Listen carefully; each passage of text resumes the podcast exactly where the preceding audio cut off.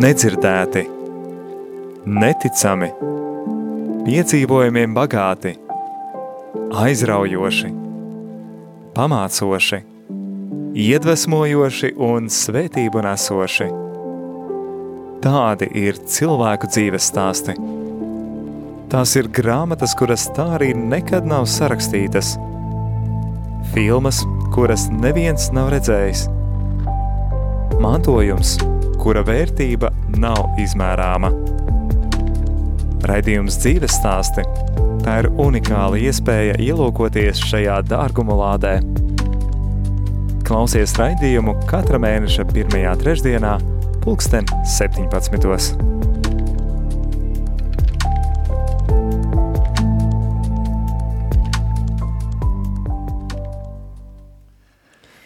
Esiet sveicināti, darbie radio klausītāji! Ar jums kopā raidījums dzīves stāsti un studijā es Jolanta Grāvīte.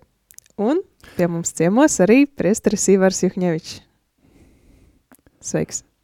Labu vakaru! Slavēts Kristus, laikam jāsaka.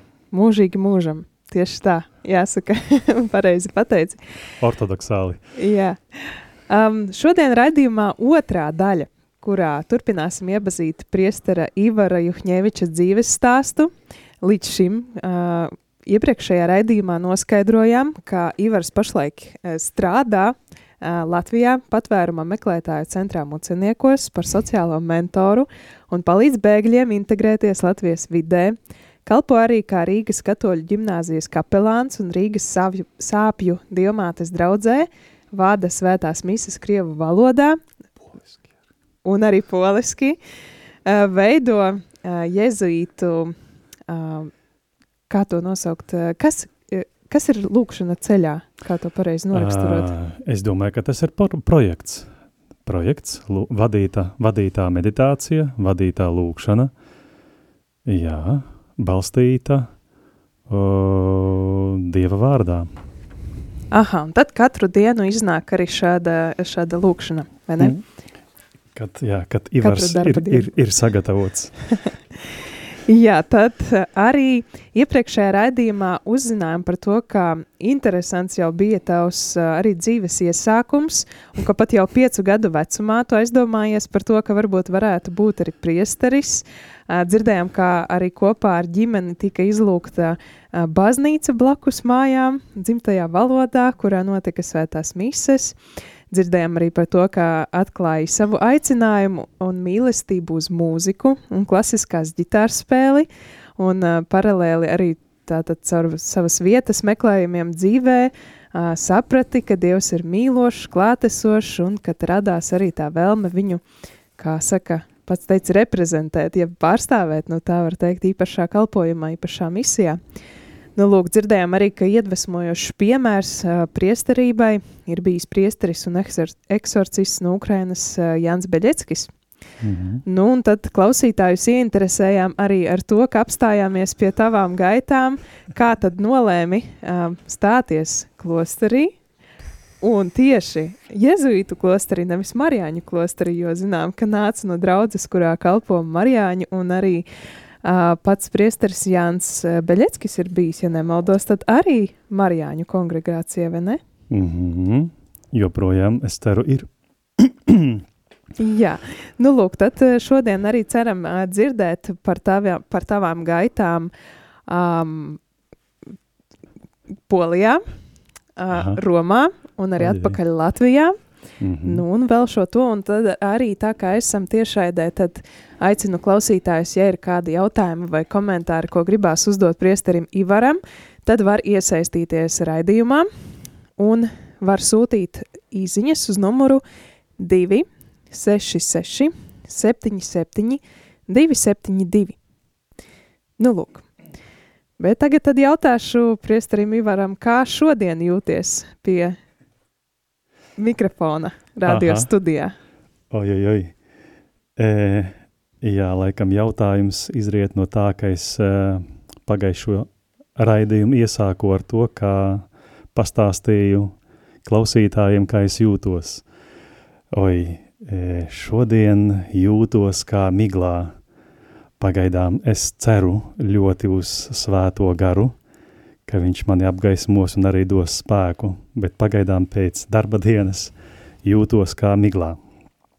Jā, nu pēc pienāku, pēc nolasīto pienākumu daudzuma, tas ir arī saprotams, ka visa kā ir ļoti daudz, un uh, tas spēks ir kaut kur arī tomēr jāatjauno un jāsmeļ. Tad, uh, kur tu smelies spēku vispār ikdienā priekš sevis? Mm -hmm.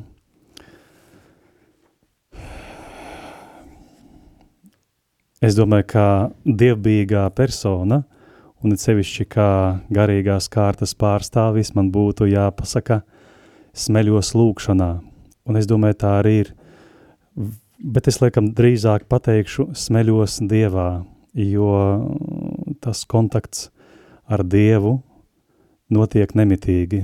Un kā viņš tik un tā, kad mēs, kad es iesaistos viņa misijā, jo ceru, ka es uh, nebīdu savu misiju, bet iesaistos viņa misijā, un arī līdz ar to viņš dod spēku. Bet noteikti es smeļos spēku savā kopienā. Tas man tā kā tāds aizsarg mūris vai tāda māja, tur, kur es atgriežos labprāt un uh, sarunājos ar saviem brāļiem labprāt, un vienkārši tāda kopā būšana noteikti man dod spēku. Draugi, paziņas, kaut kāds, piemēram, tagad uh, taisoties uz Radio Marija, esmu saņēmis vienu ziņu no manas vecas, vecas, vecas labas draudzenes no Daugopils. Tur bija tāds novēlējums, bet ļoti sirsnīgs, ļoti tāds uh, mierpilns, un principā es arī jūtos piepildīts ar to cilvēkos es domāju, ka es smeļos spēku, draugos. O, laikam tā. Viens klausītājs tieši uzrakstījis arī jautājumu. Uzreiz, um, labi. Jā, kas priesterim Ivaram ir mīļākā lūkšana? Mīļākā lūkšana.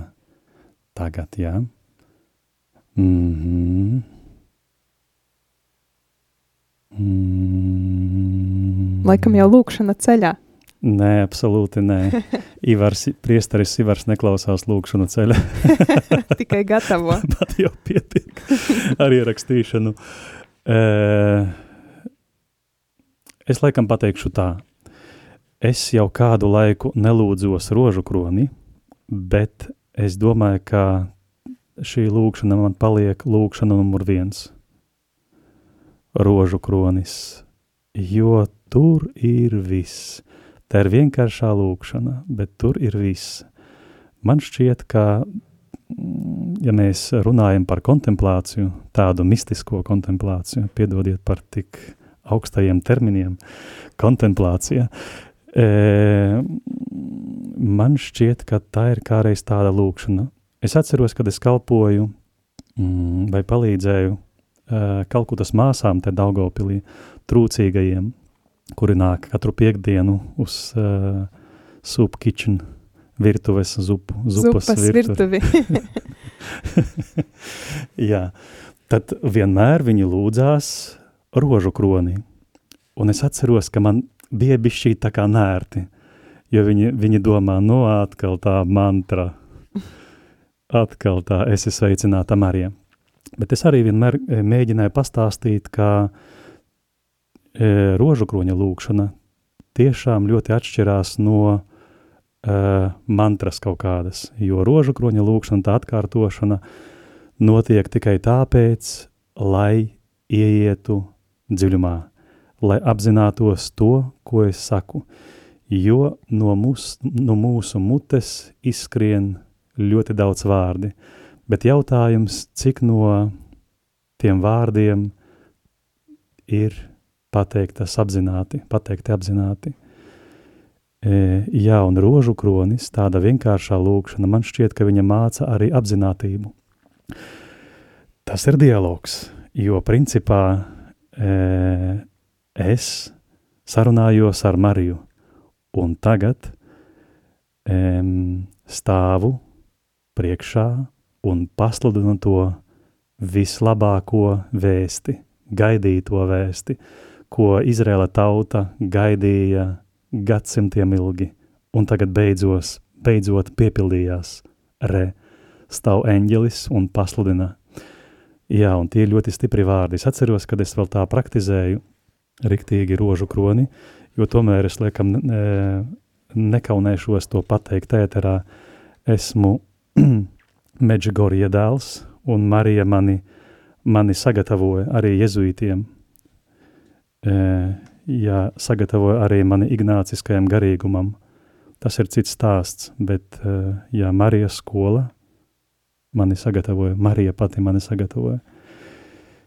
E, jā, un tad arī katrs noslēpums, ko es eju kopā ar Mariju, es mācos skatīties uz Jēzu kopā ar Mariju, es mācos just kopā ar viņu, saprast Jēzu, jo daudz kas mēs, e, daudz kas evaņģēlie vai noslēpumos nav saprotams, un es te neesmu viens pats, eju kopā ar Mariju. Jā, līdz ar to tagad tādu tutto sumāto taisot e, kopsavilkumu, jā, laikam rožu kronis uz doto brīdi. Mhm. Paldies par atbildi. Tu jau um, minēji, ka it kā Marija, Marijas skola tevi sagatavoja stāties Jēzuītu ordenī. Nu, tad varbūt par to vari mm. pastāstīt, kā tas notika. Jā, interesanti, paradoxāli, jo Jēzuītu ordenis, laikam tas ir viss kristocentriskais ordenis vispār baznīcā kuri principā kontem centrā, nu, protams, ka visiem Kristus stāv centrā, bet, uh, laikam, jezuītiem tā sekošana Kristum ir, ir centrā. Uh, kā viņa mani sagatavoja? He, ļoti labs jautājums. No pirmais laikam caur lūkšanu, jā, kā, mm, kad es iestājos jezuītos un es atklāju uh, tād, tādus lūkšanas veidus, ko piedāvā svētais Ignācijas. Tā ir meditācija, eh, nejaukt ar budistu meditāciju. Meditācija, tas nozīmē, meditācija nozīmē eh, pārdomas, apceres. Kontemplācija, jā, un kā reiz rožu kroņa lūkšana mani sagatavoja jau kontemplācijai, kurā mums bija ļoti, nu, kuru, kuru kā lūkšanas veidu, mēs praktizējām klosterī. Mm. Kas vēl? Ā, protams, kā pati Marija māca to kristocentrismu, ne? Tad adorācija. Adorēt vai adorēt Jēzu, evharistisko Jēzu, vai arī mm, izdarīt tā, lai svētā mise būtu manas dzīves centrs, noteikti arī Marija man, mani tam sagatavoja. Tad, protams, arī gavēni. Kādreiz es tā riktīgi gavēju katru trešdienu un piekdienu. Un tas tiešām ļoti palīdzēja, jo svētā Ignācija e, garīgums e, runā par to, ka mums jābūt brīviem no visa, lai pilnvērtīgāk iesaistītos Christ, Kristus misijā, un gavēnis tevi tam tiešām ļoti sagatavo, palīdz tev atbrīvoties no kaislēm, no kaislēm, no visa tā, kas nav vajadzīgs. Tas noteikti arī E, Marijas skolā es iemācījos pateikties un pateikties par mazām lietām. Jā, es domāju, tādi elementi noteikti es tagad varētu kaut ko atcerēties, bet, bet es domāju, ka tie būtu pamatelementi. Mm. Nu, un tad cik tev bija gadu, kad tu izlēmi, uh, vot, stāšos, lūk, stāšos uh, jezuītu ordenī un mēģināšu iet šo ceļu? Cik man bija gadi? kad izdomāju. Mm -hmm. Mm -hmm. Un arī reāli izdarīju. jo tur bija pagājis laiciņš. Mm -hmm. Tur bija pagājis laiciņš. Uh, varbūt tad pastāstīšu tādu, tādu stāsteņu no visa tā. Man liekas, bija 24 kādi, jā, 24 gadi. Mm, es tad jau biju pabeidzis uh, mūzikas akadēmiju un arī uh, biju atgriezies uz Daugavpili un tur nosēdēju mājās vienu gadu. Tad biju atgriezies, atgriezies atkal uz Rīgu, uz Rīgu. Kāpēc to stāstu? Jo tajā laikā uh, Daugavpilī man ļoti svarīga bija mana kopiena, mana kopiena, Daugavpils kopiena jauniešu. Protams, ka mēs ļoti forši pavadījām kopā laiku, bet uh, mēs lūdzāmies ļoti daudz kopā adorējām, lūdzāmies, dziedājām. Uh, jā, un kad es atgriezos, kad es atkal atbraucu uz Rīgu, principā es paliku viens pats. Es ļoti atceros to, kā mm, man pietrūka uh, manas, manas, man, mana kopiena. Jā, un tad Es atceros, ka katru vakaru es gāju adorēt, gāju pavadīt laiku kopā ar Jēzu. Jā, un laikam tad jau es domāju par, par iestāšanos. E, tad, tad stāsts ir tāds. Es tajā laikā strādāju e, garīgajā seminārā. Dziedā, e, dziedā, dziedoju mācīt, mācīju dziedāt. mācīju dziedāt semināristiem. Man bija ļoti forši semināristi, bet es dabūju nu, tos sauktos rūcējus visus. E, bet bija ļoti forši. Man arī tas bija ļoti svarīgs laiks, lai vispār iepazītos ar semināru, jo es arī bija, bija kā variants man iestāties seminārā. Un es atceros, um, kāds man pateica, ka tagad seminārā ir jezuīts, no, laikam, no Bolīvijas vai no Čilī atbraucis, un viņam vārds ir Jānis. Un tur arī mani draugi jau zināja, ka es gribēju iestāties, ka, ka man interesē jezuīti. Viņi saka, varbūt aprunājies ar viņu. Es saku, nu labi. Tad es dabūju telefonu, un tad uh, es atceros, es piezvanīju un krīviski runāju. Ah, man, man teica, viņš runā krīviski. Es domāju, wow, forši. Jēzus no Bolīvijas, nu jā, jēzuīti ir inteliģenti, yeah. intelektuāli stipri un arī, arī poligloti.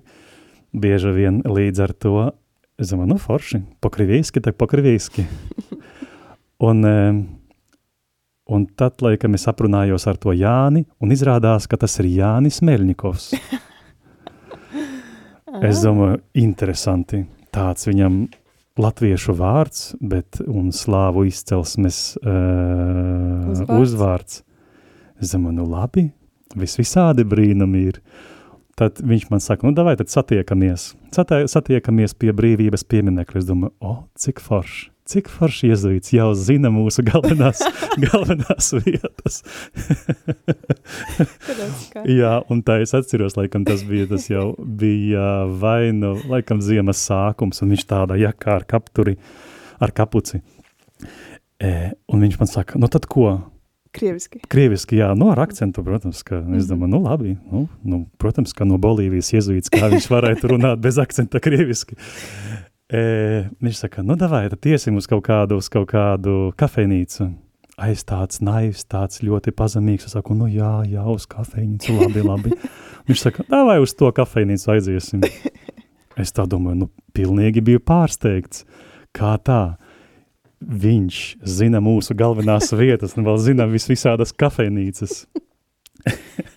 tad izrādās, ka tas Jānis Meļņikovs no Jezuīts no Bolīvijas bija mūsu mūsu latvietis. Es nezinu, kāpēc man uh, semināristi pateica, ka viņš no, no Latīņa Amerikas.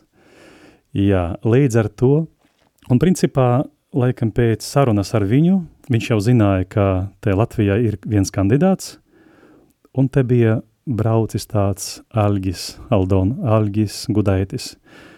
Tad, laikam, es aprunājos ar viņu, nu, un tad sākās mūsu saruna, saruna ar jezuītiem, E, tad bija LA. Es arī strādāju skolā tajā laikā, Zolitildes ģimnāzijā, par mūzikas skolotāju.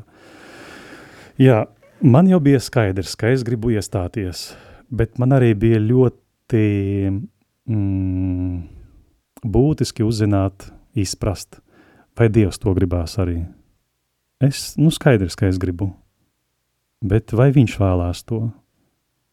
Protams, ka man tad vēl nebija tādas jezuitiskās paradigmas, ne, par uh, vispār kā izprast, kā izvērtēt uh, un kā atsaukties, kā vispār izvērtēt savu aicinājumu. Jā, un jā, skolā laikam tad es strādāju un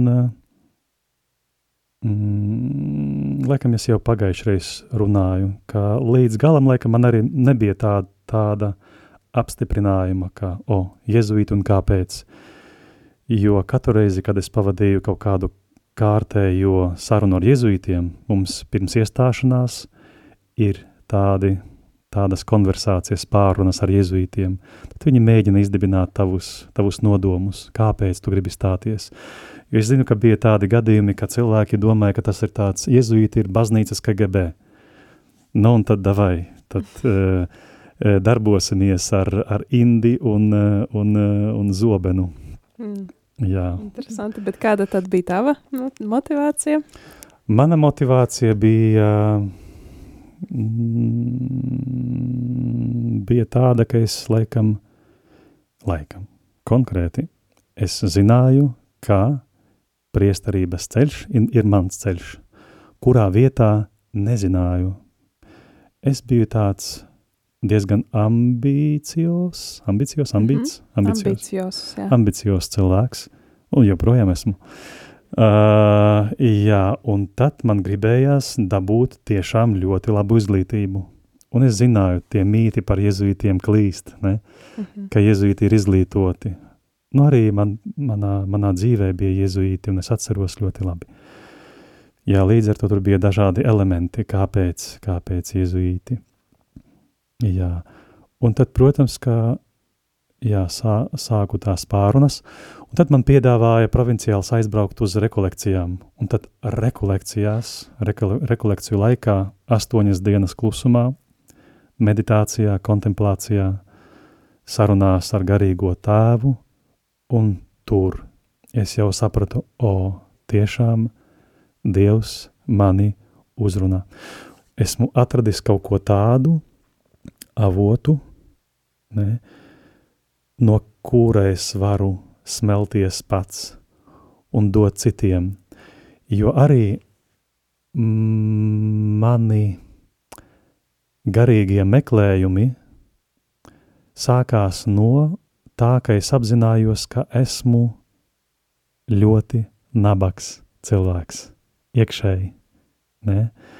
Es atceros, ka, nezinu, varbūt man bija kādi 20, 21 gads, un es, kad es, man bija drosme ieskatīties sevī, es ļoti bieži tur atradu tādu tukšumu, ne, tādu nabadzību, kas mani noēda vienkārši. Ne. Un tad es, eh, kad es, Dievs deva man tādus cilvēkus, kuri bija, nu, Man ļoti patīk vārds viesmīlība, cilvēki viesmīlīgi, cilvēki, no kuriem emanēja labestība. Es vienmēr jautāju, no kurienes, no kurienes, no kurienes viņam tāds ir. Un parasti visi cilvēki bija uh, praktizējošie kristieši. Es negribu teikt praktizējošie katoļi, kristieši, praktizējošie. Jā, un tad es saprotu, nu jā, laikam kaut kāda korelācija tur ir Dievs un tā bagātība.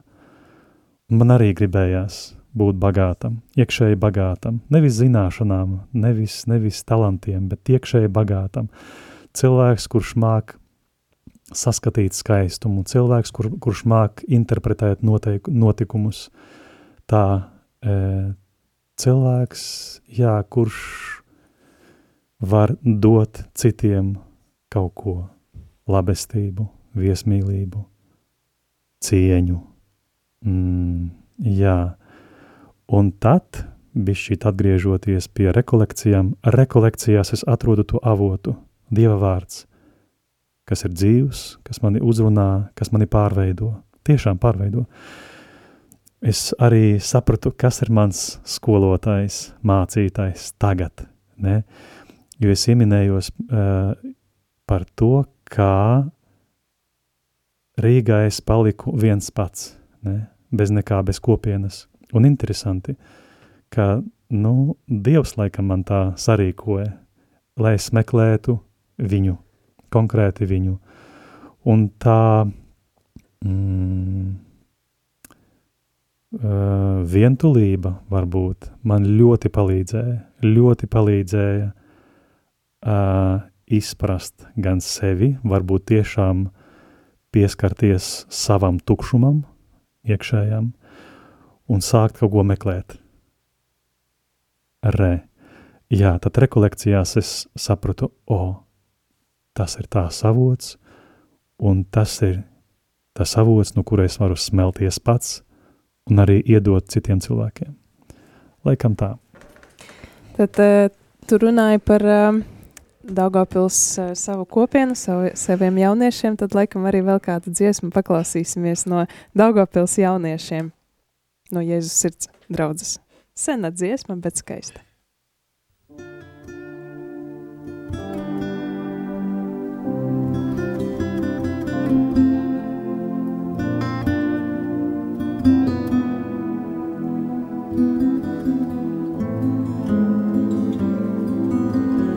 Земля пустына и безводна кругом Земля иссохла без тебя.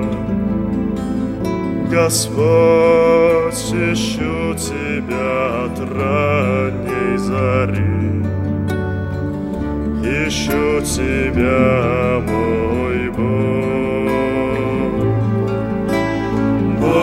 Боже, тебя ищу. Я ищу тебя повсюду. Боже, тебя ищу. Я ищу тебя повсюду. Боже, тебя ищу. Я ищу тебя повсюду. Боже, тебя ищу. Я ищу тебя повсюду 声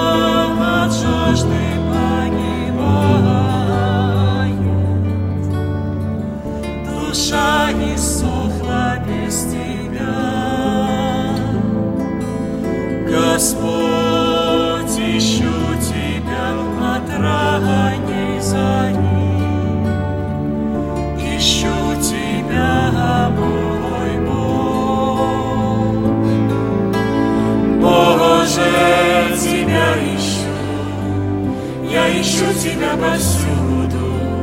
Боже, Тебя ищу, я ищу Тебя повсюду. Боже, Тебя ищу, я ищу Тебя повсюду. Боже,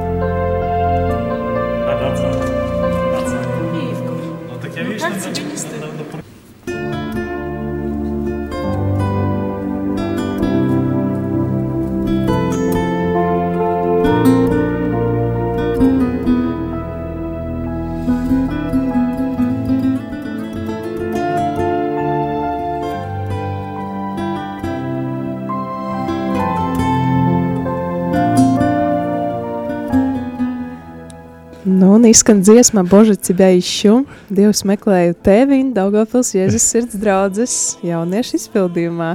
Priesteris Ivars var komentēt šo dziesmu, kas tev sakāms? Jā, es varu komentēt, jo interesanti, kad, kad uh, vispār dzie, dziesmas mūsu izpildījumā tika ierakstītas, uh, cilvēks, kurš lūdza ierakstīt apso, jau mūžīgo, mūžīgo mieru viņam dot kungs. Uh, Viņš apsolīja, ka viņš nevienam to ierakstu neiedos.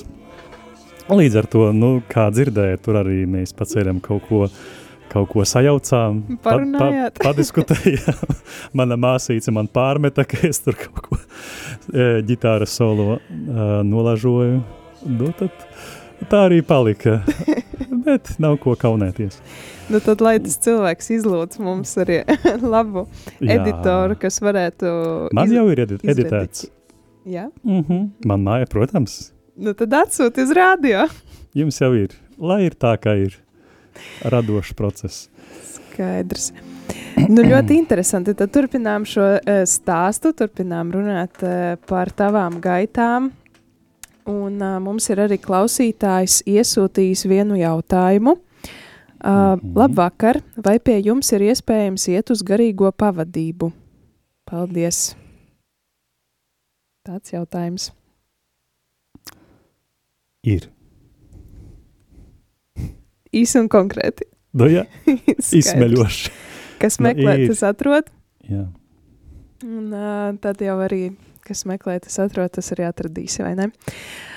Um, kā notiek uh, tas ceļš, kur puisis, kurš izdomā, ka vēlas uh, stāties iezīta ordenī, kur viņš nokļūst tālāk, jo uh, redz um, Jānis Meļņikovs no Bolīvijas. no Bolīvijas. um, viņš nokļuva tātad, jā, kur Bolīvijā, Anglijā. Es zinu, ka viņš Anglijā formējās, bet tu savas gaitas Birmingham. uzsāki Polijā. ā, Polijā. Jā, Kāpēc? Polijā. Nu, pirmais, ā, tāpēc, ok, kad jau provi... O, tas vispār interesants stāsts.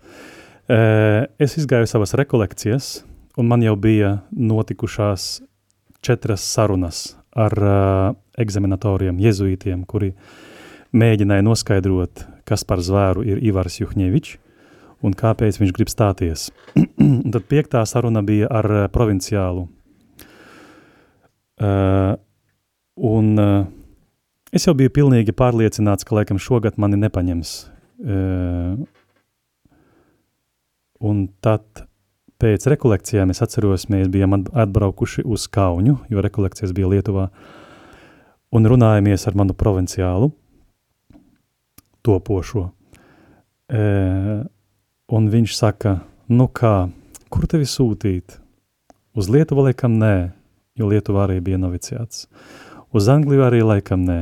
Es saku, tad varbūt uz Poliju. A viņš saka, bet vai tu māki poļu? Es saku, nu, saprotu kaut ko tur no poļu. Daugavpilī taču ir poļi. poļi. E, jā, un e, es atceros, kad es... Ā, un interesanti, laikam tās, tā saruna bija burtiski e, augusta beigās, laikam 21. datums varbūt.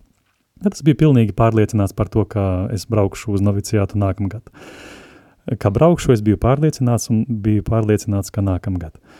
Bet laikam kaut kur 28. vai 29. datumā man piezvanīja provinciāls un saka, Ivar, es jau piezvanīju uh, Noviču meistaram, uh, tāds Robert Bujak, Polijā, Gdiņā, brauksi uz noviciātu. Paldies Dievam, jau man bija viss sakārtots darbā, jau mana direktore zināja, ka es iešu prom.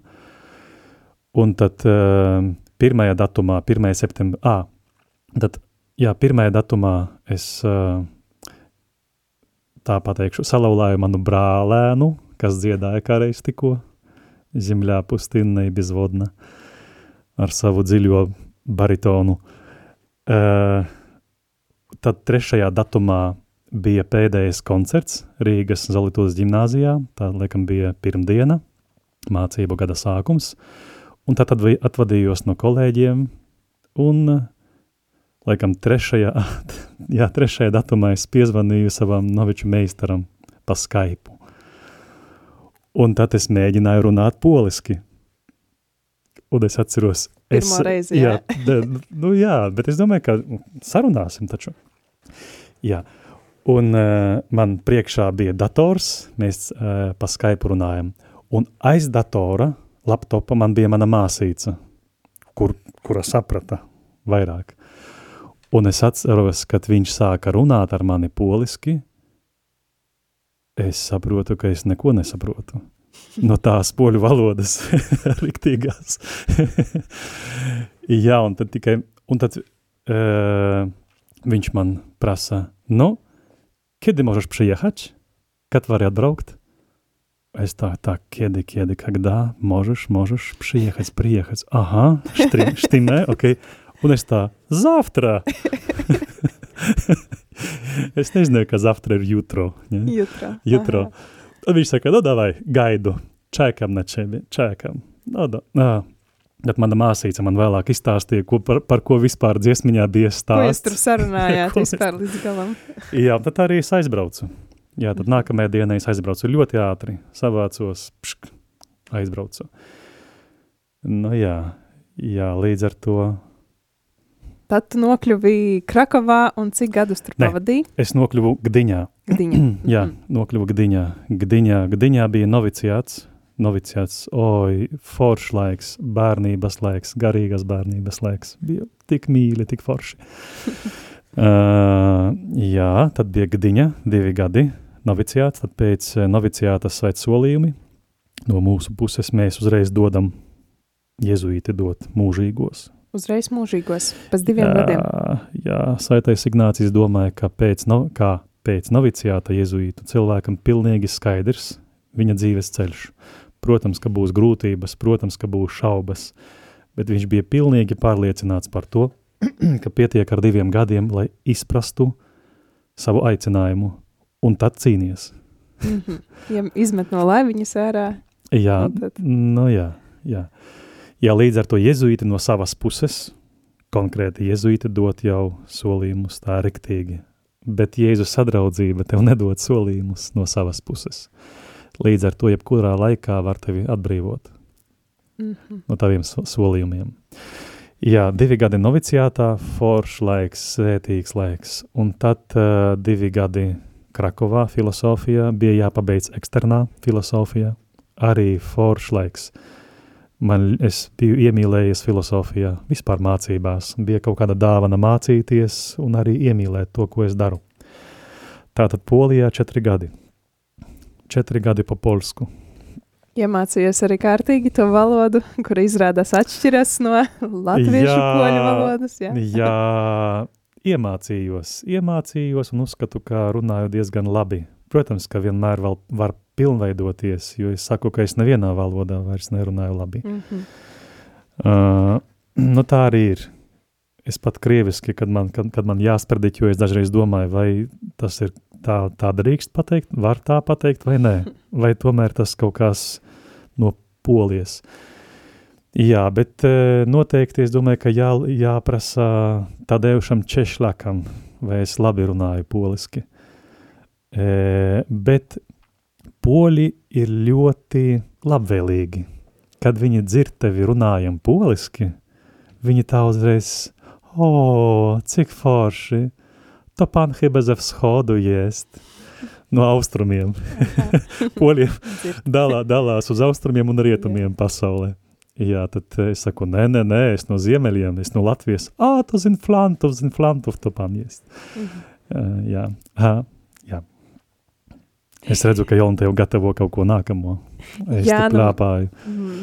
Mums vēl interesē par to, kāds tad uh, bija arī tavs laiks uh, Romā, kā tu nokļuvi tur un ko tu darīji Romā. Pēc Romā. polijas, tad tu Mm. atgriezies uh, šeit, atpakaļ Latvijā. vai uz, Jā, jā. cik ilgu laiku? gads. Laikam gads. Uh, jā, Romā, Romā es uh, biju iesaistīts tādā organizācija GRS, Jesuit Refugee Center. Tas ir bēgļu centrs, dienests, jezuītu bēgļu dienests, Jā. laikam tā būs pareizi. Nu jā, organizācija, kura palīdzēja bēgļiem, un tur nav tā kā pie mums Latvijā bēgļi no Baltkrievijas, daži no Krievijas, vai no Afganistānas, no Irākas, no Irānas. Tagad no Ukrainas. Nu jā, nu, a, protams, Ukraina, tur, tur Āfrika, tur visa Āfrika, Sīrija, nu un tur tiešām drastiskie gadījumi. Ļoti, jā. Līdz ar to, jā. Bet es tur kalpoju un arī paralēli mēģināju iemācīties valodu. jo es jau zināju, ka kaut kas viens ir runājamā valoda. Runājam? Sarunvaloda. Sarunvaloda. Jā. Sarunvaloda. Piedodiet. Sarunvaloda un kaut kas cits ir akadēmiskā valoda. Un eh, cik es tur labi nerunātu poliski pēc noviciāta, plūstoši poļu poliski, bet bija tādas uh, grūtības uh, ieiet akadēmiskajā valodā, it sevišķi filosofija. Ir tāds teiciens loģikā ignotum per ignotum, mācīties vai mēģināt izprast nezināmo caur nezināmo. Mhm. Tev Interesanti. jaunā matērija un vēl caur nezināmo valodu. E, jā, līdz ar to man jau bija pieredze, un man patīk arī labi mācīties. Ja es jau mācos, tad es mācos. Jā, līdz ar to es pa palūdzu savam provinciālam, lai, lai viņš mani aizsūtītu uz Romu, lai es varētu e, kaut kur kalpot, bēgļiem bija, un paralēli mācīties valodu, lai sagatavotos vismaz studijām. Mācīties poļu valodu. Nē, Romā, Romā jau bija Itāļu. itāļu, un, protams, jā. Jā, jā, nē, poļu es tā pa ceļam, es polijā mācījos. Mm, jā, jo jezuitiem ir ļoti tāda, mm, tā formācijas dinamika ir neparasta. Mums ir laikam visilgākā formācija 11 gadi, tāds standarts. Bet cik interesanti, ka e, mūža solījumi jau pēc diviem gadiem tā kā ātri, bet formācija ilgi. Tā 11 gadi. Mm -hmm. Interesanti. Nu jā, Jā, bet, eh, nu jā, skaidrs. Nu lūk, tad kā, kā, kādas vienas no grūtībām tev bija valodas iemācīšanās? Tu tur domāji, ka ar to tik labi galā. mm -hmm. Ā, Kas varbūt vēl bija tāds grūts, sarežģīts, varbūt tajā kalpošanā ar bēgļiem, vai bija viegli? Mm, kalpošana ar bēgļiem.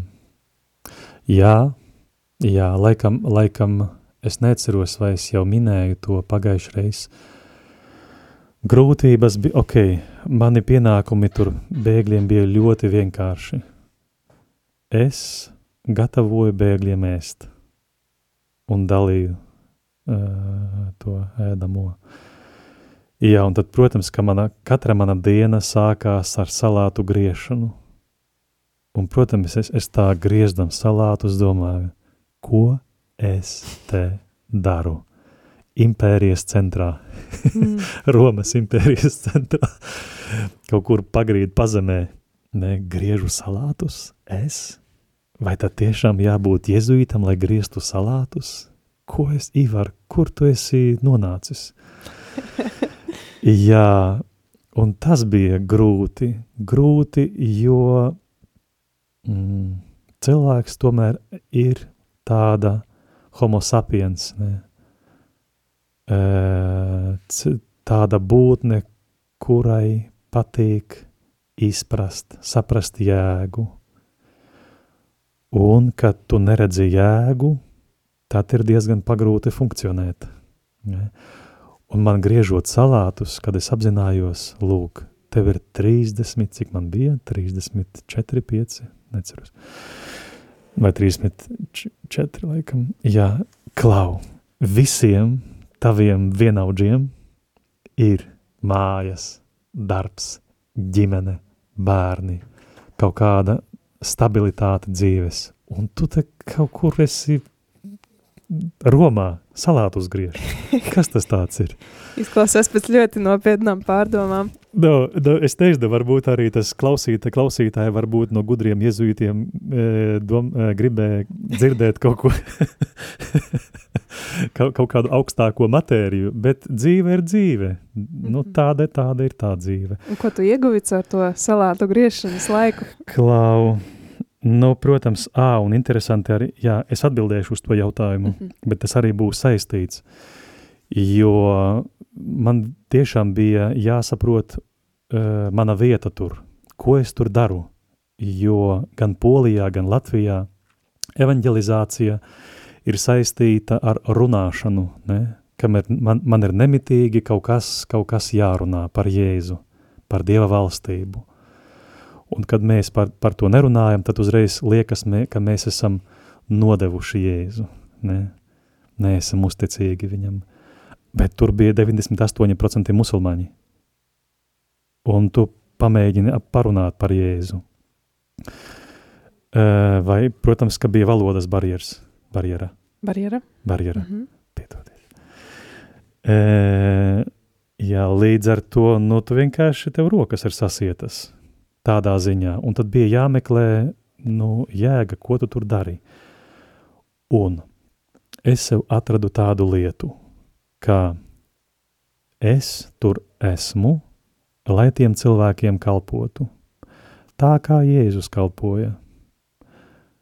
Uh, viņš nevienmēr sludināja vārdu, vai mācīja, vai dziedināja, vai dzena ļaunos garus. Viņš mazgāja kājas cilvēkiem. Un es domāju, ka tā ir visstiprākā pieredze.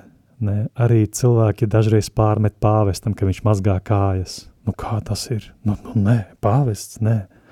Kristus, Dievs mazgā kājas cilvēkam, lai cilvēkā kaut kas mainītos.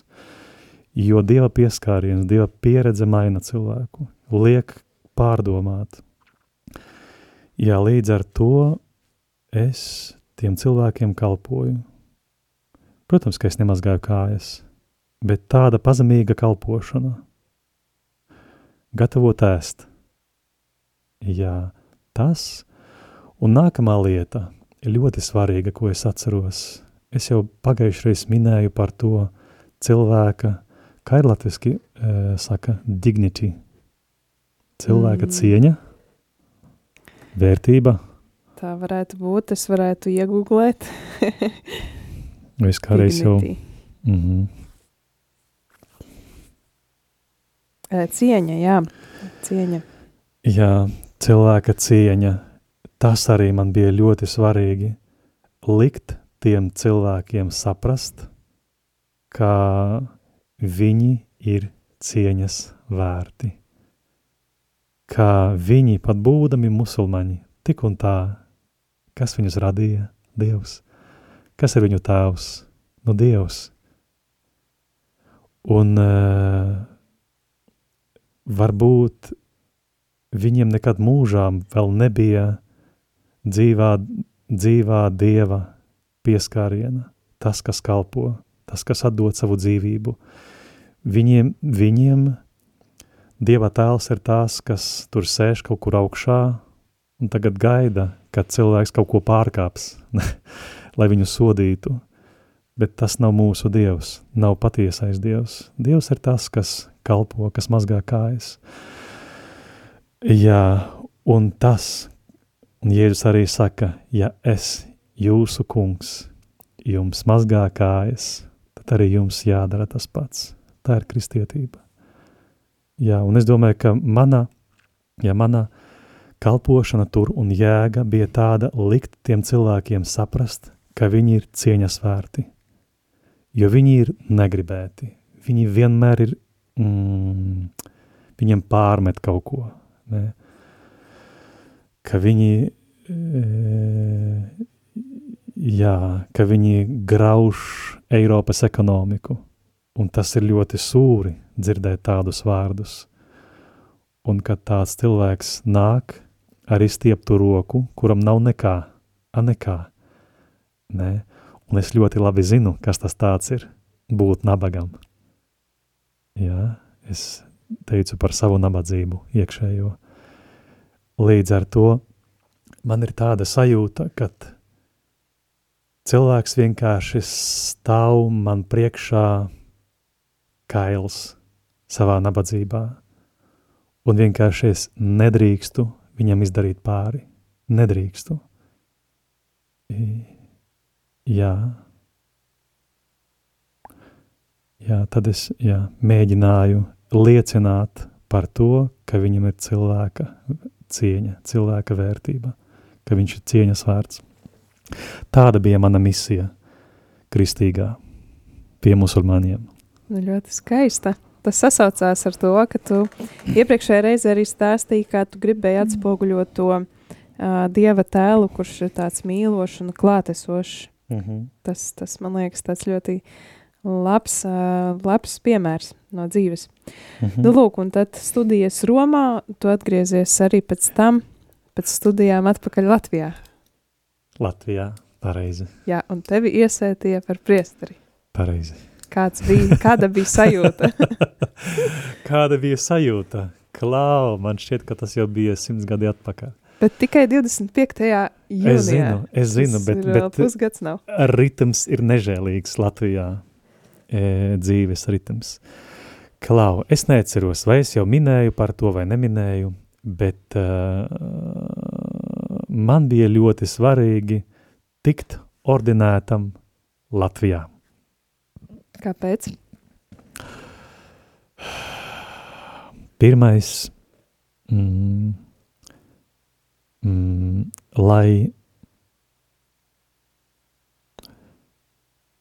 liecinātu par to vai parādītu to, kā jezuīti ir Latvijā.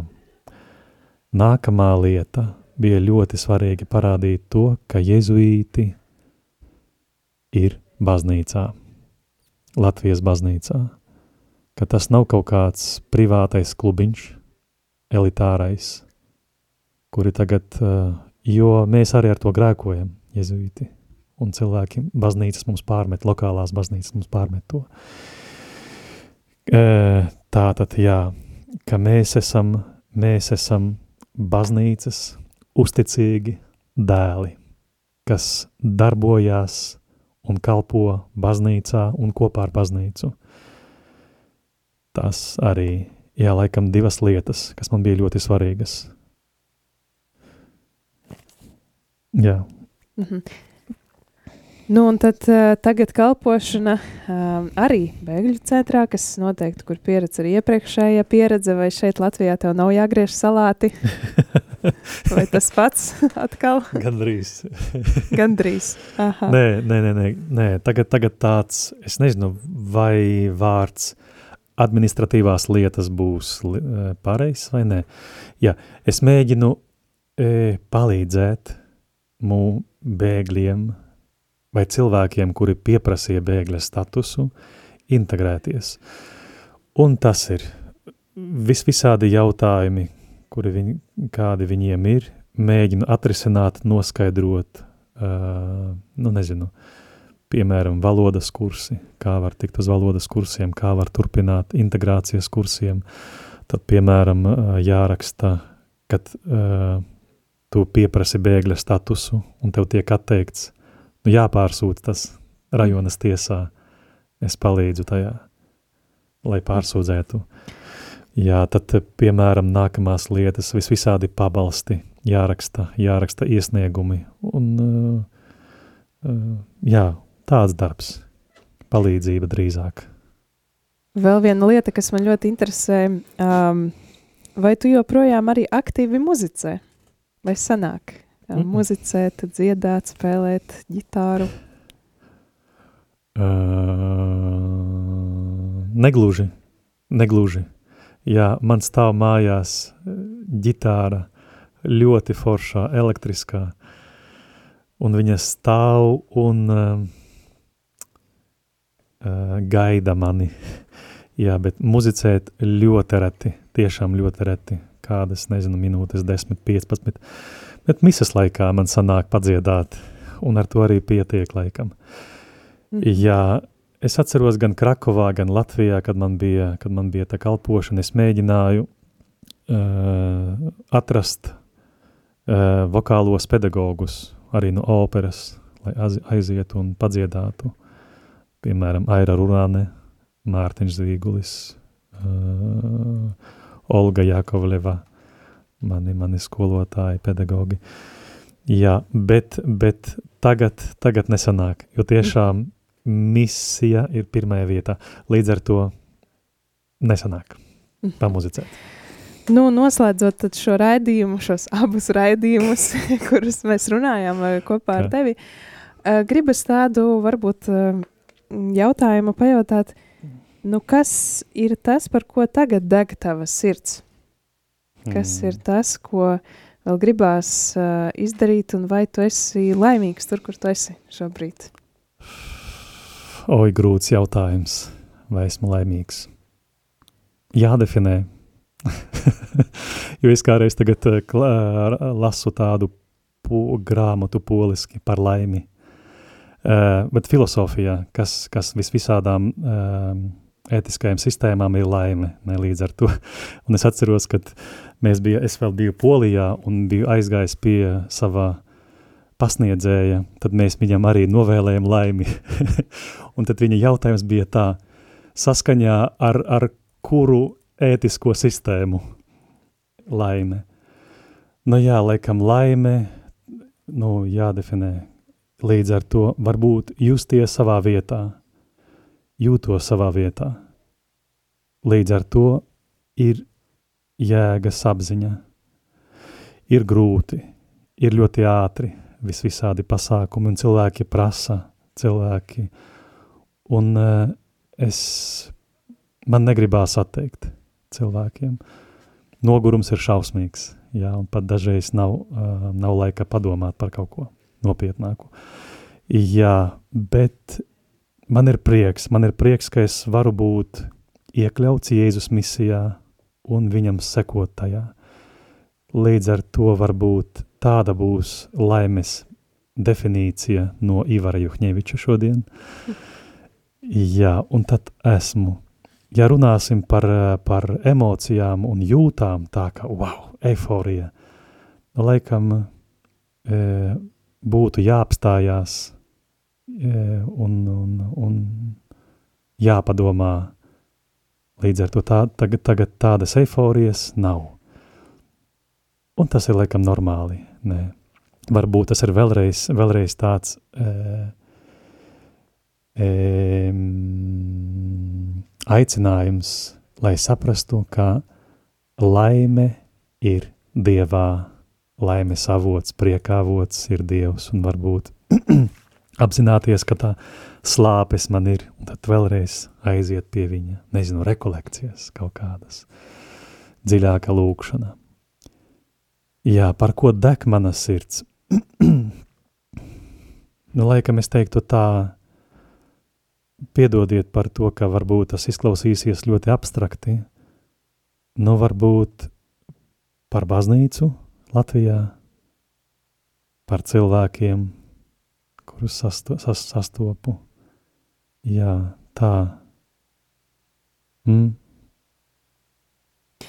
Nu, tad sirsnīgs paldies jāsaka arī tev, ka šajā savā saspringtajā uh, grafikā atradi mm. laiku arī priekšrādījā Marija. Tas nozīmē, ka arī, uh, nu, varat gribētos teikt, ka arī rādījā Marija klausītāji tev ir svarīgi. Un Tas noteikti. Sirds. Noteikti, noteikti. Jā, man ir vēl viena minūte. Nu, jā. jā, jo es atceros, tulīt, jā, man jau rāda, ka jābeidz. Jā, es atceros vēl, kad, kad es te kalpoju kā brīvprātīgais, lūdz, lūdzos rožu kroni. Un uh, es atceros, ka man bija ļoti svarīgi tā lūkšana kopā ar cilvēkiem. Un es sevišķi, kad es lasīju uh, nodomus, man tas šķita, kā lasot tos nodomus, cilvēki, klausītāji, radījumi arī klausītāji, mācīja mani uzticēties Dievam. Ne, jo dažreiz tur tādi, tādi nodomi, kad es domāju, oh, wow. Jā, līdz ar to radījumi arī klausītāji man kādreiz ļoti palīdzēja, ne, vispār saskatīt ticību Latvijā, un līdz ar to es kaut kādā veidā tagad jutos, ka varbūt arī man kaut kas ir jādod. Līdz ar to paldies jums! Nu tad paldies, un šis bija rēdījums dzīves stāsti, kurš izskan uh, mēneša pirmajā un trešajā trešdienā. Tā kā paldies kopā rādījām arī Latvijā. Nedzirdēti, neticami, piedzīvojumiem bagāti, aizraujoši, pamācoši, iedvesmojoši un svētību nesoši – Tādi ir cilvēku dzīves stāsti.